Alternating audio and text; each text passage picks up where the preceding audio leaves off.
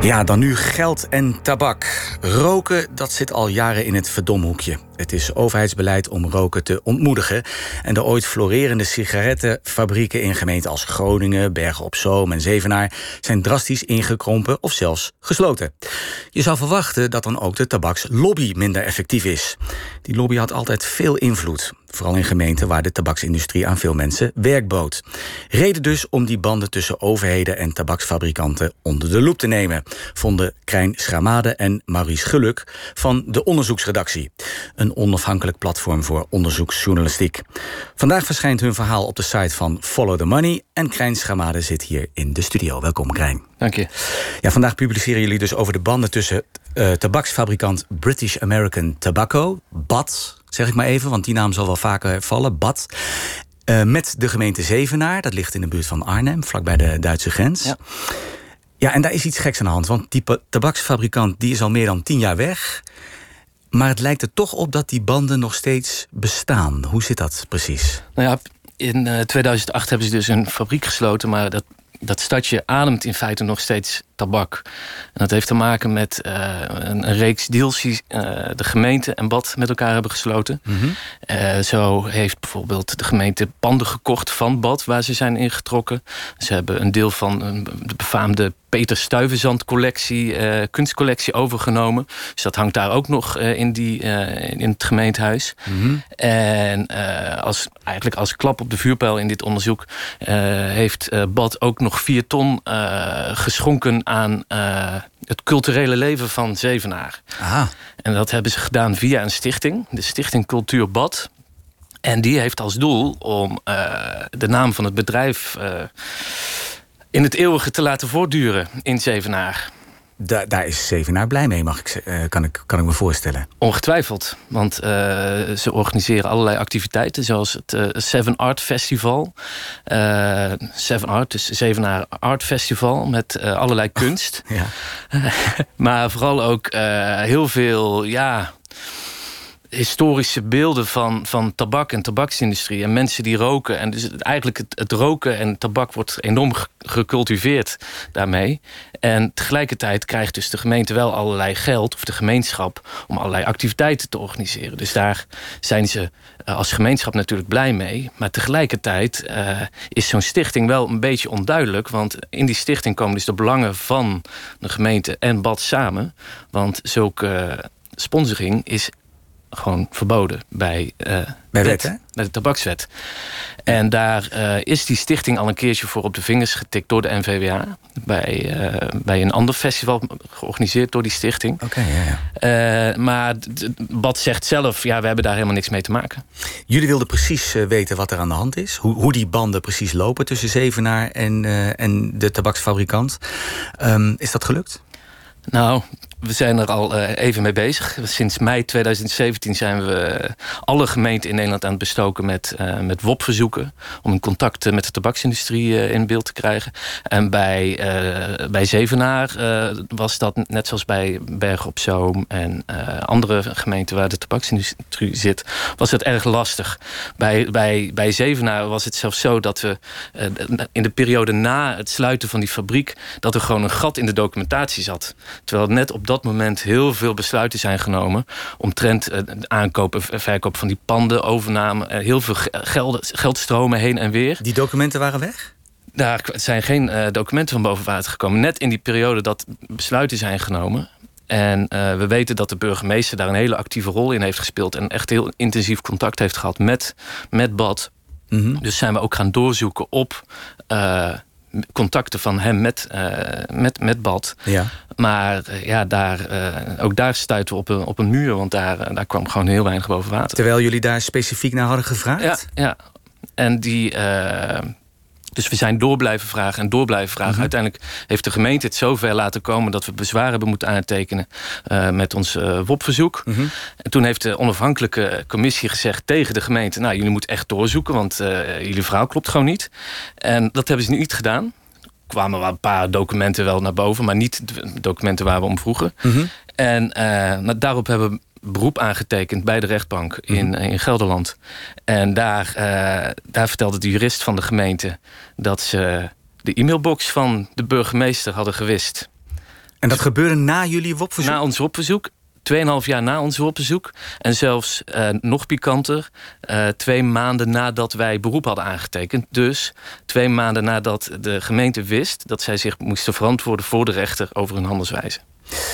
Nou, je zou zeggen, als een mailbox in 2018 is gewist dan moet daar toch ook een backup van zijn. Het gaat immers niet om de mailbox van, van de schoonmaker. Hè? Met alle respect voor de schoonmaker, uiteraard. Het gaat om de mailbox van de burgemeester. Argos-collega Elle van den Berg ging te raden bij cybercrime-expert Ricky Gevers. Het is hoogst onwaarschijnlijk dat daar geen backup is uh, van een e-mailbox van een burgemeester van een jaar geleden. Zo simpel is het. Ja, ja de burgemeester is weg inmiddels. Maar dat maakt niet uit, toch? Nee, dat, dat, maakt niet uit. Je hebt de archiefwet. En uh, nu is die archiefwet enigszins onduidelijk over uh, hoe je e-mail verder uh, moet bewaren. Dat komt omdat e-mail redelijk nieuw is. maar de correspondentie van belangrijke ambtenaren binnen een gemeente valt in feite ook onder die archiefwet. De spam-e-mailtjes die mogen verwijderd worden. En de persoonlijke e-mails die horen daar ook niet bij. maar zeker belangrijke zakelijke e-mail die hoort daar gewoon in te zitten. Die hoort bewaard te worden. Het gaat zelfs zo ver dat ze uh, wellicht in de toekomst bijvoorbeeld WhatsAppjes die de burgemeester verstuurt uh, daarin willen opslaan. Ja, maar als er dus een document hangt in een e-mail, ja. bijvoorbeeld een afspraak of een, of een ja. verslag van een vergadering, ja. die moet bewaard worden. Zeker. Ja, want je hebt dus archief en je hebt backup. Dat zijn eigenlijk twee verschillende dingen. Maar hoe zit het dan met de backups bij overheden? Uh, dat richt een gemeente zelf in hoe lang ze een backup uh, bewaren. Of dat kunnen ze zelf bepalen. Uh, maar wat je gemiddeld ziet is dat ze uh, zeg bijvoorbeeld één keer in de maand een volledige backup doen. En dan doen ze incremental backups iedere dag. Dus wat er veranderd wordt dan opgeslagen. Maar er wordt altijd voor gezorgd dat je een behoorlijke tijd terug kan in, in, in de geschiedenis om bepaalde data gewoon op te halen. En een jaar is niet bijzonder om dat terug te kunnen halen. Maar het kan dus zo zijn omdat er geen richtlijn is, in die zin geen duidelijke richtlijn, kan het zo zijn dat het gewoon echt gewist is. Nee, zelfs dan is het nog steeds heel erg onwaarschijnlijk. Uh, ik denk dat de e-mailbox van een burgemeester... dat de kans dat zijn e-mailbox niet meer in een backup terug te vinden is... en daadwerkelijk volledig gewist is, dat die echt heel klein is. Kijk, technisch kan iemand altijd een fout maken en het per ongeluk verwijderen. Maar dan heb je altijd nog backups om zoiets terug te halen. Bij deze informatie leg ik een aantal vragen voor aan de gemeente Zevenaar. Ik wil graag de verantwoordelijk wethouder spreken. Helaas. Omdat de zaak nog loopt bij de Raad van State, wil de gemeente niet op deze specifieke zaak ingaan. Wel kregen we gisteren een aantal schriftelijke antwoorden over het bewaren van e-mails van de gemeente Zevenaar in het algemeen. Dit waren de vier vragen en de bijbehorende antwoorden. Wordt er een backup gemaakt van alle e-mails van de gemeente Zevenaar? Er wordt dagelijks een backup gemaakt van alle systemen en data. En hoe lang worden e-mails bewaard? Bij vertrek wordt een account, met onder andere de mailbox, 30 dagen op disabled gezet. Daarna kunnen gegevens nog 60 dagen van een backup worden teruggehaald. Dus een totale periode van 90 dagen. Hoe lang wordt correspondentie van bestuurders eigenlijk bewaard? In de gemeente Zevenaar wordt zaakgericht gewerkt. Van toepassing zijn de correspondentie en andere documenten worden daarvoor in een zaak- en archiefsysteem opgenomen en bewaard conform de voorschriften uit de archiefwet. En als je een mailbox wist, wat doen jullie dan met de bijlagen? Die worden meegewist. Archiefwaardige mail en mogelijke bijlagen zijn opgenomen in het zaak- en archiefsysteem en worden daar bewaard. Deze antwoorden vragen om nadere toelichting. Ik bel met Wim Voermans, hoogleraar staats- en bestuursrecht aan de Universiteit van Leiden. De archiefwet heeft een stelsel dat er lijsten op moeten worden gesteld van stukken die bewaard moeten blijven. Daar hoort belangrijke correspondentie ook onder. Maar ja, dan uh, e-mails komen in een grijs zijn dat allemaal belangrijke correspondentiestukken. Maar eigenlijk moet je wel een archief daarvan aanhouden om natuurlijk na te kunnen lopen uh, hoe er ooit besloten is. Uh, maar zeker in dit geval, waarin een WOP-verzoek is gedaan al over bepaalde e-mails en over bepaalde documenten. Uh, dan kan je natuurlijk niet meer met droge ogen beweren dat je dat daarna hebt weggegooid. Uh, dat lijkt natuurlijk wel alsof je aan het proberen bent de zaak te verdonkeren maanden. Dat kan nooit de bedoeling zijn. Correspondentie moet bewaard blijven conform de voorschriften uit de archiefwet. Hoeveel jaar is dat dan? Nou, als iets uh, in de, volgens de archiefwet moet worden bewaard, dan is het een jaar of 25 als ik me niet vergis. maar in ieder geval een hele lange termijn. Dus uh, dan moet je het echt lang bewaren. Maar hier geeft de gemeente Zevenaar eigenlijk al antwoord op de eigen vraag. Dat zaaksgerichte documenten dat die bewaard moeten worden. Dus als iemand een BOP-verzoek doet om correspondentie, is dat een zaak en had die correspondentie bewaard moeten blijven. Alleen al door het WOP-verzoek had de e-mailbox van burgemeester De Ruiter dus bewaard moeten blijven. Ik bel vrijdagmiddag rond een uur of één toch nog maar even met de gemeente. Hoe zit dat nu precies met dat zaakgerichte werken? De gemeente Zevenaar is op dit moment gesloten. Onze opening Geen gehoor. Het weekend is al begonnen voor de gemeente Zevenaar. Wordt vervolgd.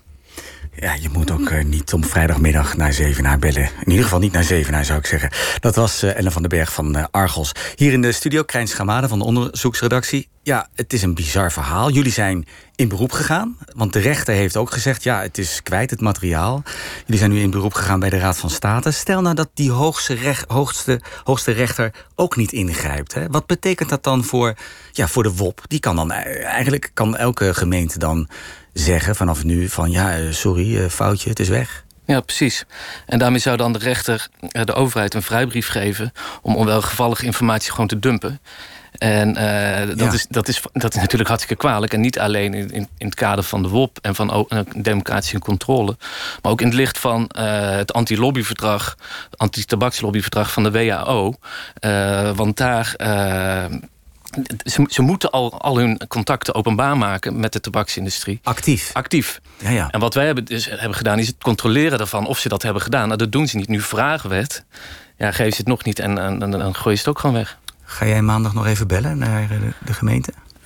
Het is het proberen waard, maar tot nu toe zijn ze niet heel hartelijk geweest in het beantwoorden van hun vragen. Hmm. Tot slot, ja, ik begrijp dat de gemeente Zevenaar inmiddels haar intrek heeft genomen in het oude kantoorgebouw van British American Tobacco. De raadzaal heet daar inmiddels, dat zei je ook al, hè, Peter Stuyvesantzaal. Ja. Waar kennen we die naam van? Uh, en dan, dan is er ook nog een woonwijk eromheen uh, met die naam. Een bouwlocatie heet Woonpark Bad. De hoofdstraat heet de Badlaan. Zijn dit nou geoorloofde verwijzingen naar cultureel-industrieel erfgoed? Of is dit ook verboden? Wat denk jij? Nou, essentieel is dan om te weten of er afspraken zijn gemaakt bij die verkoop aan de uh, vastgoedontwikkelaar en de gemeente over die naamsverbinding. Als dat het geval is, dan uh, heeft de NVWA een casus om naar te kijken. Hoe, hoe, bedoel je dan afspraken zijn gemaakt? Nou, over die naamsverbinding. Dus dan staat er een uh, wederdienst tegenover. Jullie mogen het kopen voor die en die prijs, maar noem het wel bad, dit en dat.